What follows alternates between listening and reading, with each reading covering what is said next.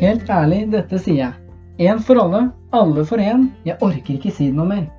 Det er nødt til å bli stopp og spørre om man er gutt eller jente. Se på navnet og hold munnen. Vi er aldri i mål med bedre rettigheter og åpenhet for og med personer med kjønnsinkongruens eller transpersoner. Det kreves derfor et stort mot av absolutt alle for at det ikke skal være noe diskriminering. Som et land og et samfunn er vi ekstremt avhengig av at alle møter hverandre med respekt.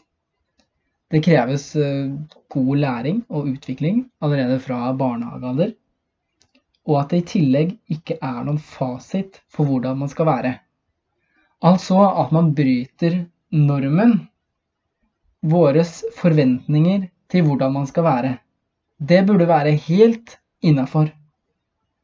For ingenting er bedre enn å utforske sin egen kjønnsidentitet, seksualitet og sine kjønnsuttrykk. Ingenting skal haste. Det er ingen tidsfrist. Men det som må bli tatt tak i, er et inkluderende samfunn fra alle kanter.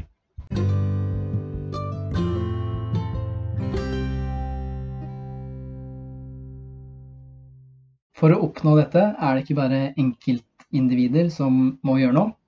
Det er også frivillige foreninger og organisasjoner som må fram i lyset. Kommuner, fylkeskommuner og stortingspolitikere skal komme foran som et godt eksempel og prøve å ta steget ut. Ja, det skjønner sikkert greia. Det kreves mot og tunga rett i munnen fra alle og enhver. Tiden er alltid inne for å satse på en sterkere kjønnsidentitetspolitikk. Det er bl.a. altfor mange som viser dårlige holdninger på nettet mot transpersoner. Og det viser kanskje at det er dårlig snakk om tematikken i skolen. Man finner jo alt på nettet, og det er ikke alltid like sunt. Vi fortjener å prate og vite om kjønnsidentiteten vår.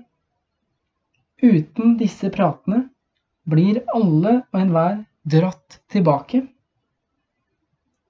man må få styre sin egen kjønnsidentitet og få uttrykke seg som man vil.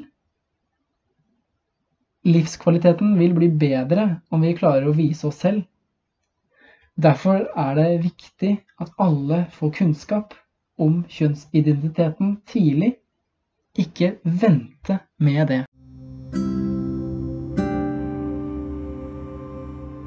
Små barn skjønner kanskje ikke hva som er vanlig, man tester ut alt uavhengig om man føler seg som det motsatte kjønnet enn det biologiske kjønnet. Og de aller fleste små barn klarer ikke å se hva man liker.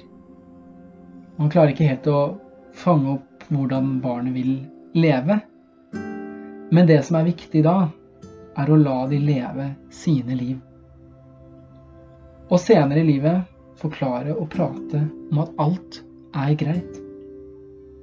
At man kan føle seg som det motsatte kjønnet enn det biologiske kjønnet. Eller føle seg som begge. Eller faktisk ingenting. I starten handler det om at man føler seg som noen. Etter hvert ser man at man er noe. At man kan definere selv hva man er. Samtidig skal vi huske på at alle er ulike. Vi liker forskjellig. Kanskje er det ingen sammenheng mellom det romantiske og seksuelle? Vi har bare to kjønn i Norge. Jente og gutt eller mann og kvinne. Si hva du vil, men vi har ingenting imellom der. Og det som er ekkelt, er at en del transpersoner får jevnlige spørsmål om man er jente eller gutt. De store spørsmålene som dukker opp da, Hvorfor skjer det? Hvorfor spør man? Hvorfor er det noe man absolutt må få vite? Hvorfor er det så farlig å få vite hva man har mellom beina?